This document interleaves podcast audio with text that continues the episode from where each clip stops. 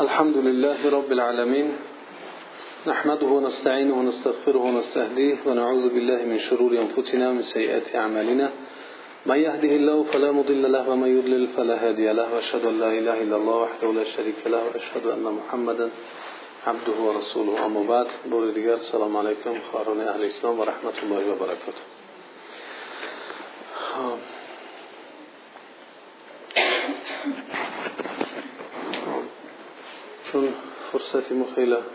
است. نقشه ما انشاءالله در ادامه صحبت اطراف آیت های باقی مانده سوره اعمه است که از آیه سی و یک تا آیه چل خواهد بود. اعوذ بالله من الشیطان الرجیم. ان للمتقین مفازا حدائق و اعنابا و كواعب اترابا وكأسا دهاقا لا يسمعون فيها لغوا ولا كذابا. جزاء من ربك عطاء حسابا. رب السماوات والأرض وما بينهما الرحمن لا يملكون منه خطابا. يوم يقوم الروح والملائكة صفا. لا يتكلمون إلا من أذن له الرحمن وقال صوابا. ذلك اليوم الحق. فمن شاء اتخذ إلى ربه مآبا إنا أنذرناكم عذابا قريبا. يوم ينظر المرء ما قدمت يداه ويقول الكافر يا ليتني كنت ترابا. صدق الله العظيم.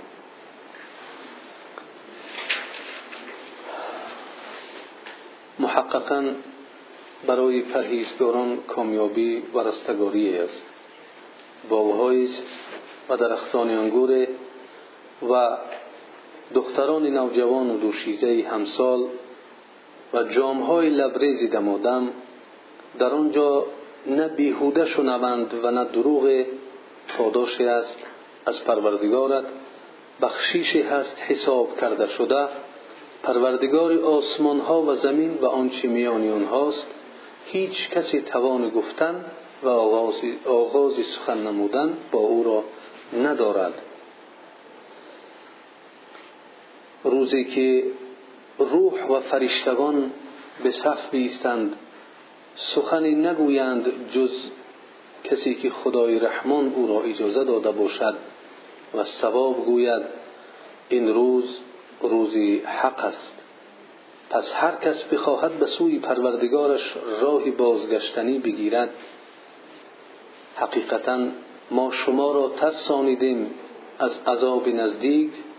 روزی که هر شخص آنچه به دست خود انجام داده ببیند و کافر بگوید ای کاش من خاک بودم. خب کلمات متقین یعنی تقواداران پرهیزگاران مفازن رستگاری و کامیابی است. حدائق باغها و بوستانها است. اعناب انگورها. خب کواعد دختران در حالت بکارت و سین گذریش از کودکی به نوجوانی. اطراب همسین و سال کأس قدح جام دهاقن پر لبریز. لغوان سخنان بیهوده جزاءن یعنی پاداش. و این روح جبریل علیه السلام گرچند دیگر معناها هم دارد ولی تفسیر راجحتر یا چیزی که ما اینجا قبولش می‌کنیم اون چی هست؟ جبریل علیه السلام. فرشت ملائکه فرشتگان و جمعی ملک است. ملک شکل تناس ملائک جمعی ملک است یعنی فرشتگان. صفن صف کشیده صوابا سخن راست و حق معابن بازگشت. انذرناکم شما را بیم دادیم یا شما را ترس دادیم. مر اینجا به معنای مرد اصلی کلمه به معنای مرد است ولی اینجا به معنای انسان یا در برگیرنده مرد و زن است که هر دو جنس را در بر می‌گیرد قدمت یده آنچه با دست خود انجام داده است یا از پیش برای آخرتش فرستاده است. یا لیتنی ای کاش که من ترابن خاک است. خب ما در خاطر داریم که این سوره شروع شد با سوال از جانب الله سبحانه و تعالی که آنها از چی می‌پرسند؟ ولی این سوال الله سبحانه و تعالی نه جهتی فهمیدن آنکه آنها چی را میپرسیده باشند بلکه این سوال تعجبی بود که چرا اینها از یک چیز سوال می‌کنند که اون خبری بزرگ است و آنها را خداوند تهدید کرد که سرزنش نمود. که آنها البته آن چیزی را که میانی هم اختلاف دارند یا میانی هم همدیگر را می‌پرسند حقا خواهند حقیقت آن را دانست. علم این مسئله برای آنها روشن خواهد شد. و پیش از اینکه در مسئله سوال را بیان کردن بگذارد تنها وصف او را بیان کرد که اون چیزی را که میانی هم سوال می‌کنن اون چی بوده است؟ النبع العظیم. وصفی همان چیزی که از آن سوال می شود مسئولون عنه. یعنی وصفی آن را تنها آورد و باز بعد این تهدیدها هم اون مسئله را مطرح نکرد بلکه شروع کرد در بیان نمودن قدرت خود الله سبحانه و تعالی در آن چیزی که ما آنها رو با چشم خود می‌بینیم و احساس می‌کنیم. و برای همه انسان ها برابر است دانستن آنها الله سبحانه و تعالی یعنی قدرت خود را در این مخلوقاتش برای بندگان نشان داد که شما نظر بکنید که یعنی علم نجعل الارض مهادا والجبال اوتادا و امثال اینها که نه مظهر قدرت خود را بیان کرد. و بعد از بیان کردن نه مظهر قدرت خود شروع کرد در آن مسئله که آنها سوال دادند و بیان مقرر نمودن اون که در حقیقت زندگردانیدن بعد از میرانیدن روز معینی دارد و آن در حقیقت شدنی است بعد از بیان این شروع کرد به کسانی که در مورد این سوال به دو گروه تقسیم شدن. یکی مردمی که به اون باور کردند یکی مردمی که به اون باور نکردند یا انکار نمودن یا شک کردند و این مردم در برابر سوالی که بود و آن زندگردانیدن بعد از میرانیدن روز قیامت دو گروه شدند و شروع از گروهی که آنها انکار کننده بودند از گروهی که آنها میانی هم سوال می‌کردند در شک و شبهه بودند که آنها را جهنم منتظر است در کمینگاه است. آنها از این جهنم رهایی نخواهند یافت. زیرا که اون جهنم سالیان دراز است که این گونه انسان ها را در انتظارشان می‌باشد. چگونه که در جای دیگر خداوند میفرماید که خطاب می‌کند دوزخ طلب می‌کند از خداوند که هل من مزید آیا بیشتر از این گونه انسان ها وجود دارد دوزخ می‌خواهد. اون کسانی که در برابر حقایقی که الله سبحانه و تعالی خلق کرده بود و مقرر کرده بود مردم باور نکردند. بندگان خدا که همه مسائل زندگی و همه این حیاتی که دارند از الله سبحانه و تعالی سرچشمه گرفته است وسیله زندگی وسایل زندگی و امثال این را به اینابت نگرفتن به جای شکرانه گذاشتن به جای اطاعت کردن آنها بلکه کفران نعمت کردن و تکذیب نمودن حقیقت های الله سبحانه و تعالی معین نموده را. اون دوزخ در منتظر آنها هست و می‌گوید که حل من مزید. آیا بیشتر و زیادتر هست که من آنها را به قعر خود به داخل خود جای بدهم؟ و دیدیم که الله سبحانه و تعالی چگونه در ده آیت چی وعیدهای سختی برای آنها نمود که دوزخ در انتظار اونها هست آنها چگونه خواهند باقی ماند آنها وقتی که می‌خواهند چیزی بنوشند برای آنها نوشابشون جز آبی جوشان و جز خونابه دیگر چیز نیست. و امثال اینها آمد آمد و در اخیر باز گفت که فذوق و فلن نزیدکم الا عذابا. بچشید که جز عذاب و جز آب جوش و جز خانابه برای شما دیگر چیزی اضافه کرده نمی شود زیاده کردن چیزی زیادی بخواهید از همین عذاب ها زیاده کرده می شود و این بود مسیر کسانی که نسبت سؤال زنده گردانیدنی بعد از میرانیدن باور نداشتند یا شبهه داشتند و همدیگر را سؤال می‌کردند امروز آیت هایی که ما سر آنها صحبت خواهیم کرد شروع می شود از طایفه دیگری که آنها به این زنده گردانیدن مسئله بحث باور داشتند و ایمان داشتند و یقین داشتند که این چیز شدنی هست و برای آن روز آمادگی دیدند و خداوند شروع می کند که این للمتقین مفازه. در حقیقت برای متقیان کامیابی هاست پیروزی هاست. یکی از کامیابی انسان همین است که از جزا وقتی که نجات مییابد این خودش کامیابی است.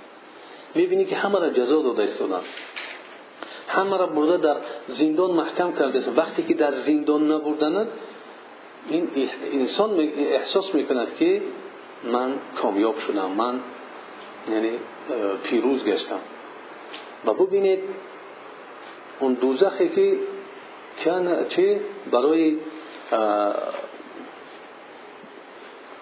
کسانی که تاقی بودن برای تاقی ها و سرکش ها در کمین بود مرصادن بود.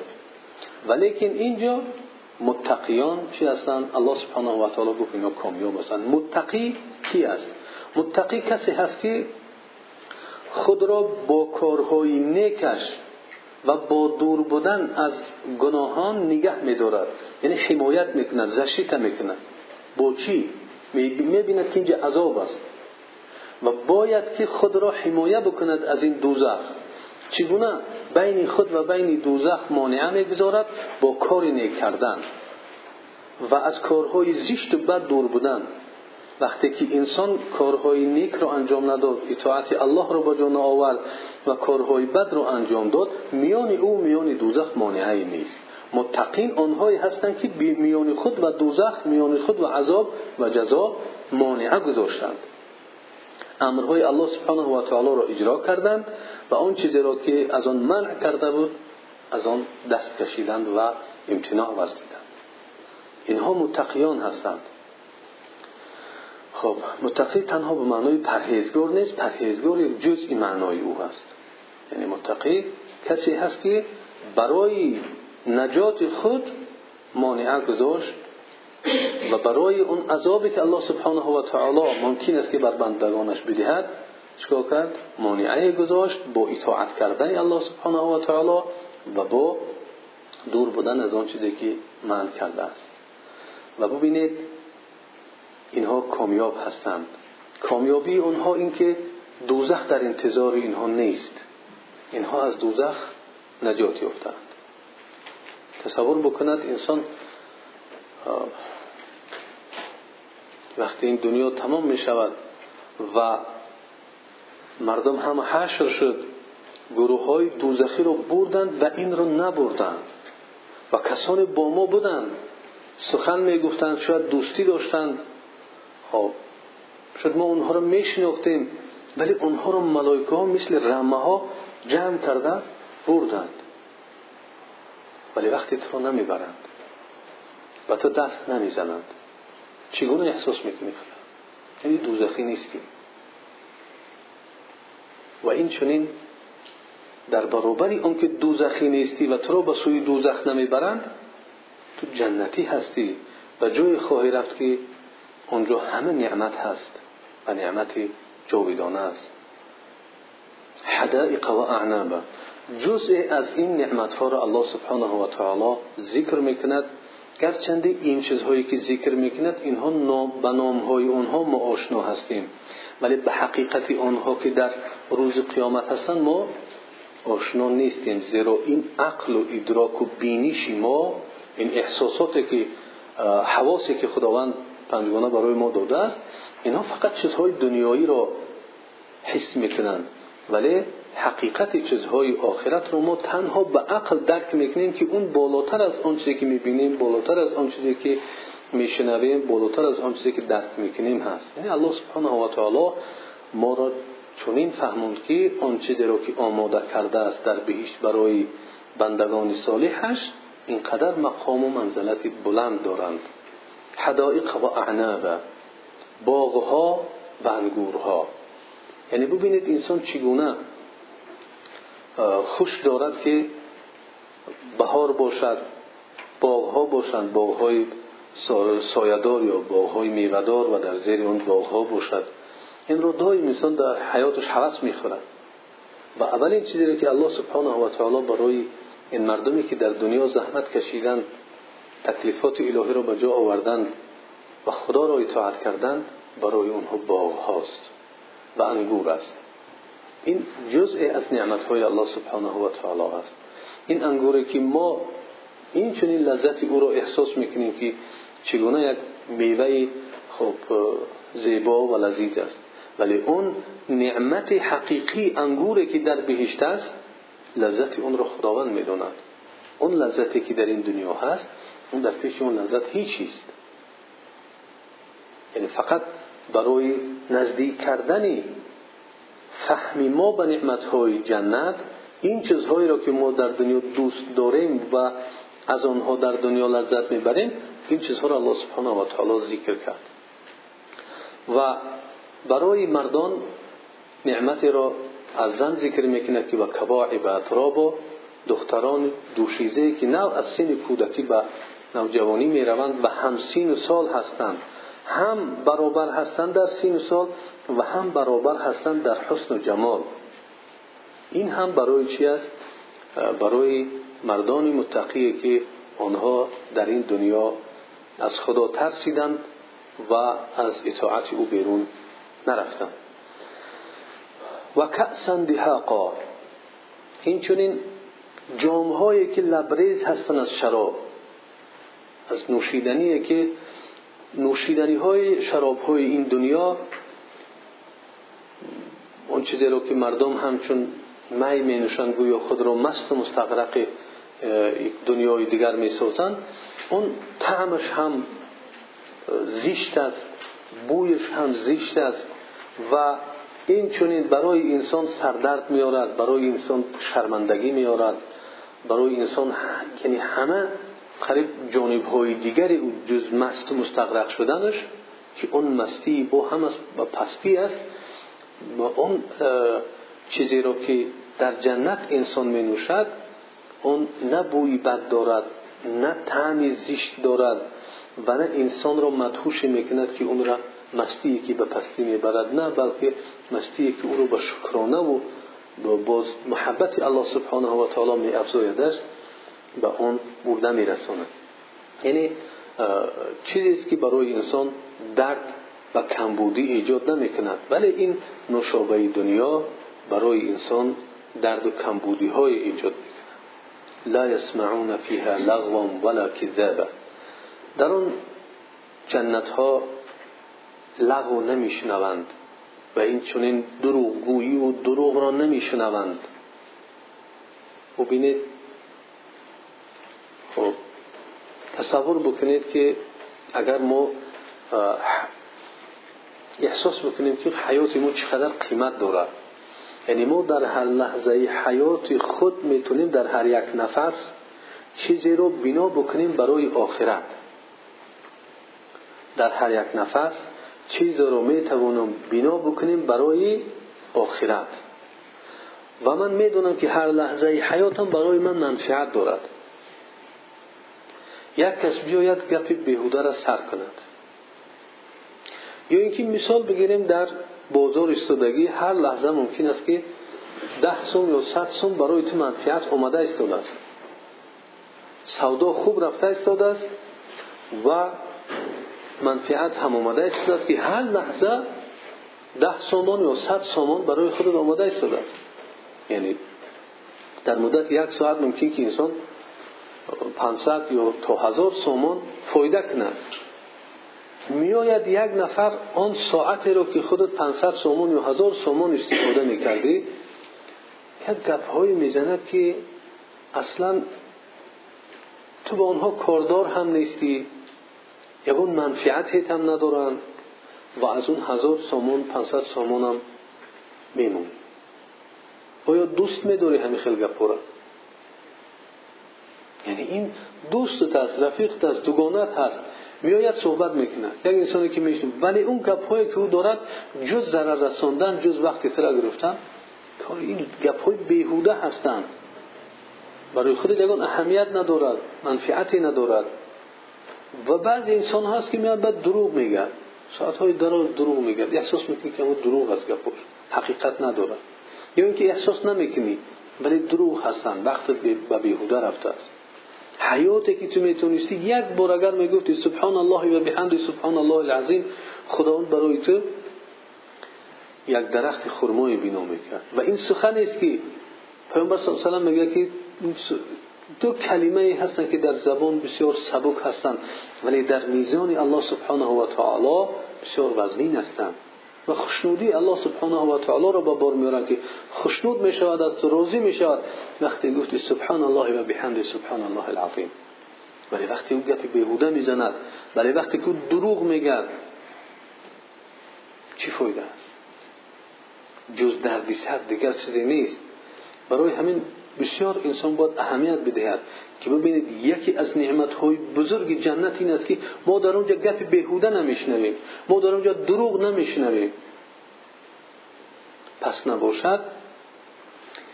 این گپ های بیهوده رو شنیدن این دروغ ها رو شنیدن این نعمت نبوده است. انسان, انسان گمان نکند که فخر نکند که من دوستای دارم که روز تو بگه آمده قطعی گپ می‌زنم. همراه من سخن میگن مهم باید اندیشه بکنی که اون سخنهای اونو چی قیمت دارد؟ در لغو و کیزاب ندرایند. که عمر خود را به بیهوده برباد داده باشی. لا یسمعون فیها لغوا ولا کتابا مثلا انسان ممکن است که حیات خود را صرف یک چیزی بکند که فایده ندارد. برای همین برای لحظه های حیات خود اهمیت بدهید. برای شما چیزی در کار است اون را طلب بکنید. اون چیزی که در کار نیست اون چیزی که برای شما اهمیت ندارد فردا. مثلا هر یکی شما ممکن است که در سوهای تربیت دادن یا سوها هایی هستند که از علم متیمت به طریق فرض میگیم. فرض می‌کنیم که علم که برای شما یا که یگان علمی برای شما در حیاتون در کار نیست لیکن دیگر علم ها مثلا فیزیک برای شما یا خیمیا یا دیگر علم ها برای شما مهم است. یک کس بیاد همینجا روز تو بگه شما متینت کرد بگه شما رو مثلا درسی نکرد شما فیزیک و خیمیا مهم بود. یا که فنهای تربیوی و این چگونه درس رو تقسیم بندی کردن که مرحله اول چی است؟ مرحله دوم چی است؟ مرحله سوم چی است؟ درس رو چگونه تقسیم بندی کرد؟ درس رو چگونه داد؟ برای مردم چگونه سخن گفت؟ یا اینکه چی مفهوم برای مردم داد؟ من برم با مردم صرف و نه بگم بلاغت بگم. اون مردم نه صرف و نه و نه بلاغت از این چیزا. برای اونها منفیت نیست. این علم صرف و نحو و بلاغت و این چیزها برای مخصوص طالب علم هستند ولی برای یک مرد دهقان یا یک خواهری که کارگر یهودی است صرف نه برای او اهمیت ندارد. برای او اهمیت دارد بدوند که گپی بیهوده به منفعتش نیست گپی دروغ به منفعتش نیست. و در جنت گپی بیهوده نمیشنود در جنت گپی دروغ نمیشنود. این نکته ها را شما در خاطر بگیرید و در حیات خود را به بیهوده نگذرانید. به گپ های بیهوده و وقت های بیهوده را در یک کارهای بیهوده صرف کردن نگذران. که ببینه که الله سبحانه و تعالی چه نعمت های را برای متقیان آماده کرده است. ما از کجا می‌دونیم که از دنیا میریم؟ ما باید خود را در دایره متقیان بزنیم تا اینکه این نعمت ها برای ما باشند نشود که باز ما بگیم که حالی می‌کنیم حالی می‌کنیم فرصت نشود و این عمر از دست ما رشته اش کنده شود برود. و ما خود را از جمله متقیان علی از بالله نساخته باشیم. جزاء من ربک عطاء حسابا. این پاداش از جانب پروردگاری توست این چیزهایی که گفت و دیگر چیزهایی که امثال اینها هستند. این پاداش از جانب پروردگار توست. ربک. یعنی ببینید که چگونه الله سبحانه و تعالی باز هم خود را به تو نزدیک می سازد خود را تخصیص می‌دهد مخصوص میگرداند به تو که من پروردگار تو هستم. با اون پاداش رو به تو کی می‌دهد؟ پروردگار تو. و این جزا چی است؟ عطای عطا ان حساب. عطا و بخشیش به حساب گرفته شده. این خیلی به حساب یگان کسا چیزی نمی‌دهند. یا که اگر که بگیریم اون جزا رو برای کسانی که آنها این کار کردن روز جزا را و اطاعت نکردن الله سبحانه و تعالی را جزا از جانب پروردگار تو برای اونهاست و عطا و بخشش برای که این متقیان است. و همه اینها چگونه که جزای آنها جهنم خواهند دید در اساس حساب و کتاب هست که این کار کرده این جزا را دارد. این کار کرده این جزا را دارد. این چونین نعمت هایی که خواهی گرفت در برابری همون حساب و کتابی هست که این کار خوب را انجام دادی این نعمت است. این کار خوب را انجام دادی این نعمت است. از این کاری بد دست کشیدی این نعمت است. اینها هم چی هستند؟ همه به حساب هستند. در حساب باید باشد برای تو کارهای نیک انجام دادن و دست کشیدن از کارهای بد. تا اینکه الله سبحانه و تعالی عطای خود را برای تو بدهد. رب السماوات والارض. پروردگار آسمان ها و زمین. و ما بینهما. و پروردگار آنچه که میان آسمان ها و زمین است. الله سبحانه و تعالی اینجا عظمت و بزرگی خود را و اون چیزی که از الله هست از او هستند اونها را بیان کرده است. وقتی میگه که اون پروردگار رب آسمان ها و زمین و چی میان این آسمان ها و زمین هست. پس ما در کائنات و هستی چیزی پیدا کردن می‌تونیم که از این رب نباشد اون رحمن لا یملکون منه خطابا. اون پروردگار آسمان ها و زمین و اون که میانی آسمان ها و زمین هست اون رحمانی هست که لا یملکون منه خطابا. توان سخن گفتن از او را ندارند. یعنی اونها حالت می‌شد که دیگر در برابر الله سبحانه و تعالی نمی‌تونن به ایبا صحبت کنند. ما در این دنیا در پیش انسان ها به هر صورت می‌تونیم سخن گفته. و گاه می شود که در نزد مثلا یک انسانی منصب بزرگ داشته باشد یا انسانی که در ساحه های قوه قدرتی کار بکند. انسان گاه از ترس مثلا هر گپ نمی‌توند زده. ولی به هر حال باز راه میابد و سخن چکار می‌کند؟ می‌گوید. ولی در نزد الله سبحانه و تعالی نمی‌تواند. برای چی؟ برای که بزرگی الله سبحانه و تعالی نهایت نهایت درجه بزرگی قرار دارد. از این رو بلا حدود از بزرگی الله سبحانه و تعالی از این رو انسان نمی‌تواند در اون جنده به ایبا و به اختیار خود سخن بگوید. لا یملکون منه خطابا. مداری سخن گفتن ندارند. و الله سبحانه و تعالی با این بزرگیش یعنی رحمان است. با این بزرگیش رحمان است. رحمان است مهربان است. با آن که اون تاقی ها را به جهنم میفرستد و رحمان است با اینکه چه؟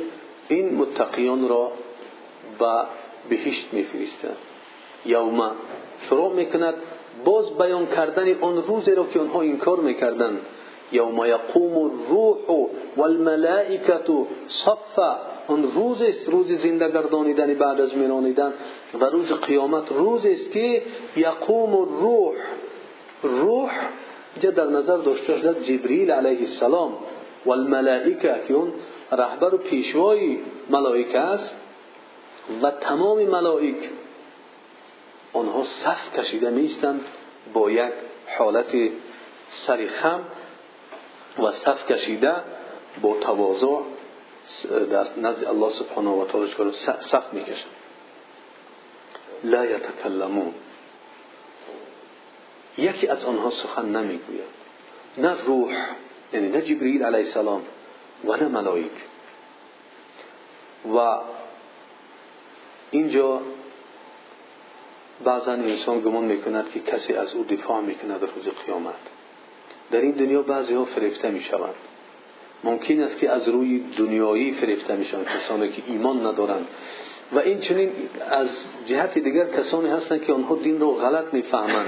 با عقیده های باطل و غلط گمان می‌کنند که فلان عالم و دانشمند یا فلان ایشان و فلان چی ممکن است که از پشت ما برآمد کرده گپ زند.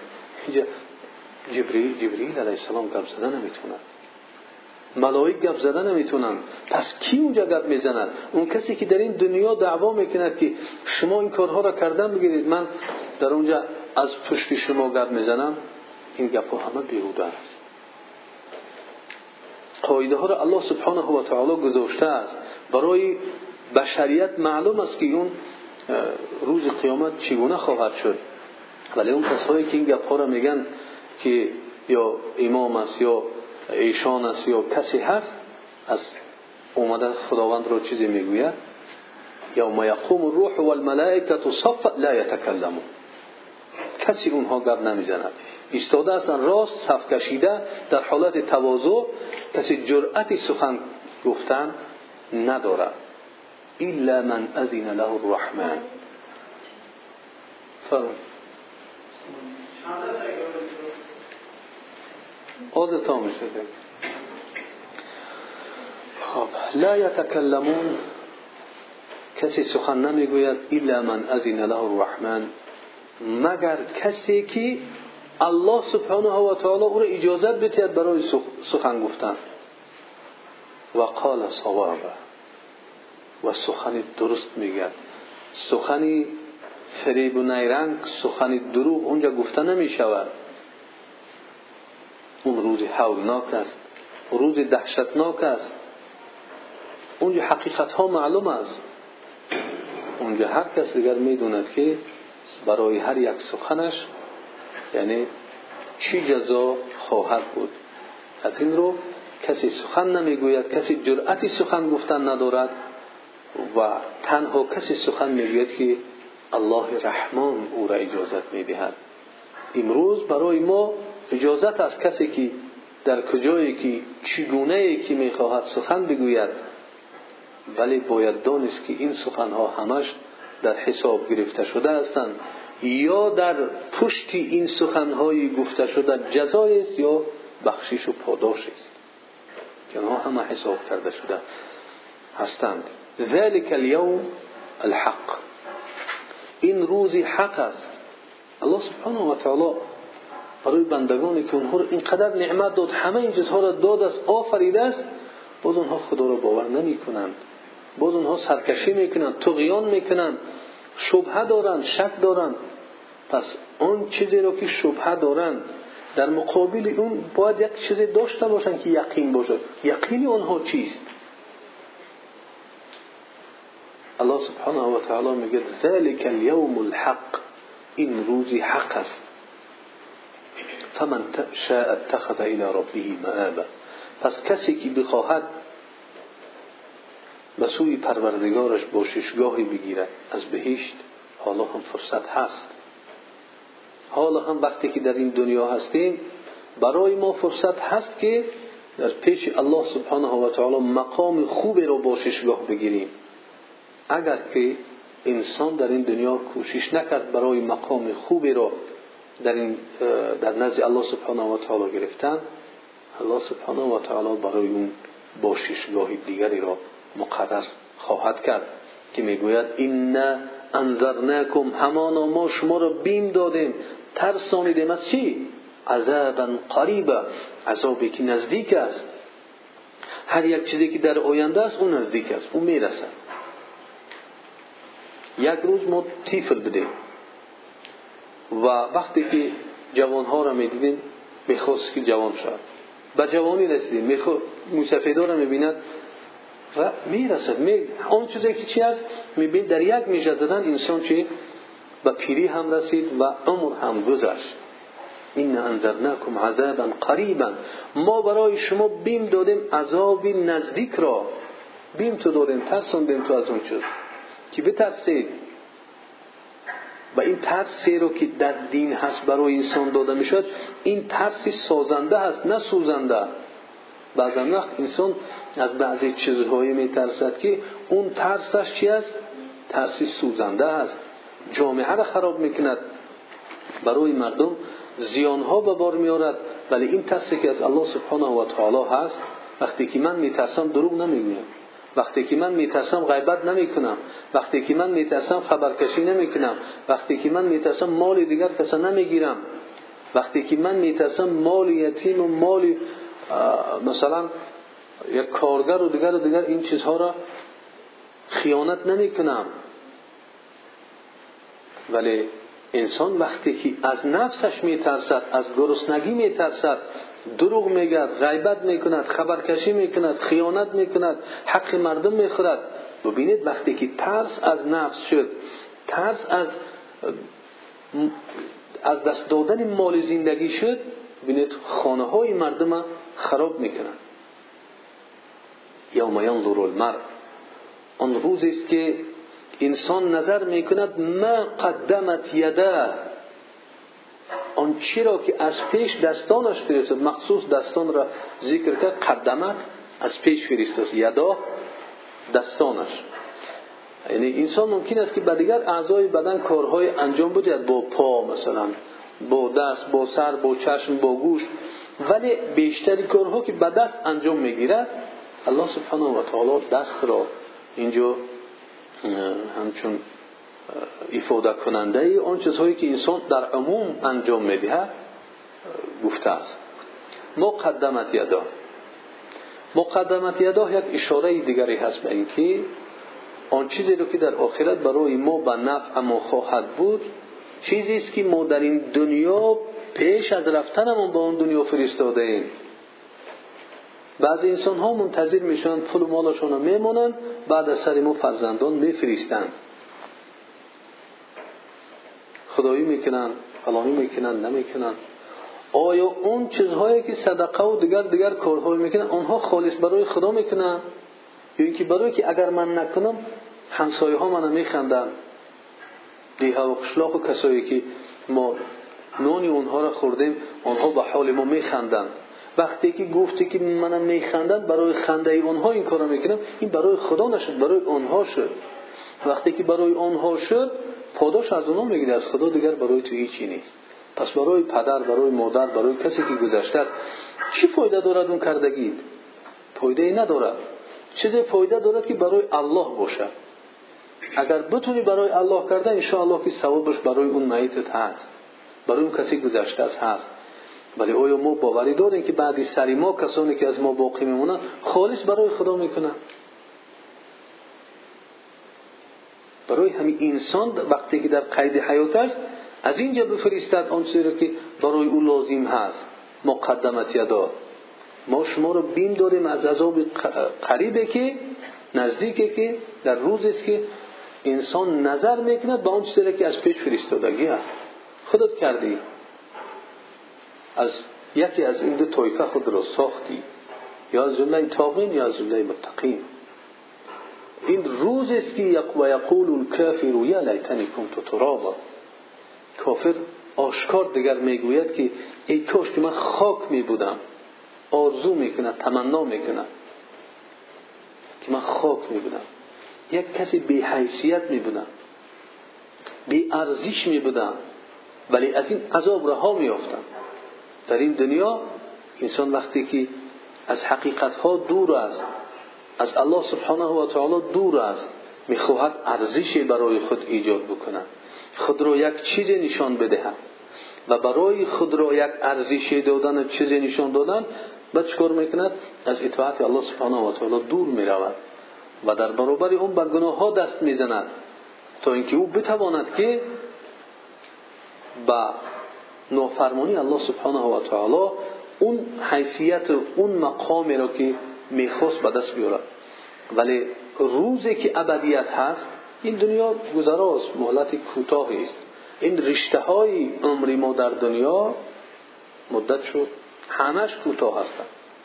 مخصوصا امتی محمد صلی الله علیه وسلم با گفته رسول الله صلی الله علیه وسلم که امتی من 60 70 سال عمر می‌بیند. کمی از اونها هستند که از این مدت میگذرند. پس برای 60 70 سال یک حیثیت ساختن خود چی معنا دارد؟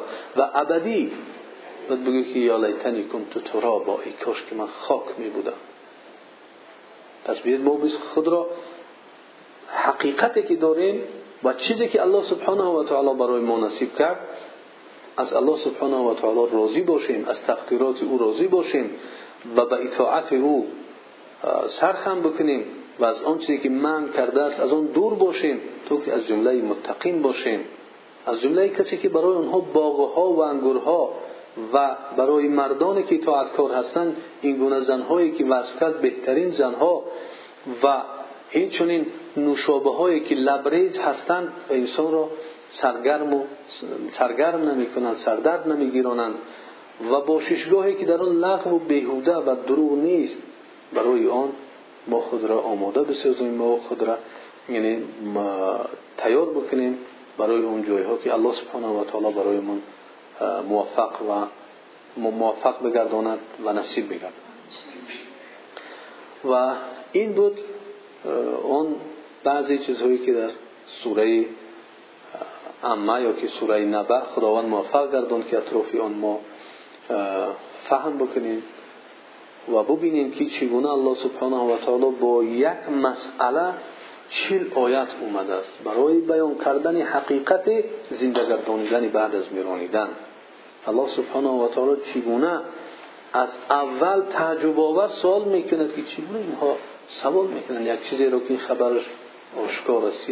و چگونه تقسیم بندی ها رو ببینیم که پیش از اینکه اول بیان کرد وصف اون مسئله را و تهدیدشون کرد که خواهند دانست و بعد اومد به بیان کردن دلیل های در وجود در هستی در دنیا بودگی قطعی که همه آنها می‌دونند از اینها ببینند خلاصه بگذارند و بعد از آن با وجود دیدن اینها اگر که باور نکردند پس انسان ها به دو گروه تقسیم میشن گروهی که آنها آنها را جهنم در انتظار است و گروه دیگر کسانی که آنها کامیاب هستند و الله سبحانه و تعالی در آخر با وصف خود را کرده آمد. و رب السماوات و الارض و ما بینهما الرحمن. می کلمه رحمان را ذکر کرد. و این چنین گفت یوم یقوم الروح والملائکه صفا لا یتکلمون الا من اذن له الرحمن. باز کلمه چه صفت رحمانی الله سبحانه و تعالی اومد پس از رحمت الله سبحانه و تعالی این است که کسانی که خدا را اطاعت نکردند با وجودی که الله سبحانه و تعالی برای اونها عمر داد همه وسیله های زندگی را داد چیزی را که مخواستن در این زندگی برایشان داد خدا را کفران کردن اطاعت نکردن از رحمت الله سبحانه و تعالی است که اونها را در دوزخ بسوزاند. رحمت الله است که اونها به جزایشان برسند. و از رحمت الهی است که این کسانی که در این دنیا خود را محروم ساختن. می‌دید که همینجا یک پولی هست از یک کسی دیگر می‌تونه اون استفاده بکند ولی نکرد گرسنه تشنه ولی به چیزی حرام دست نزد. چگونه که ابوبکر صدیق رضی الله عنه یک بار یک طعام میورن می‌خورد.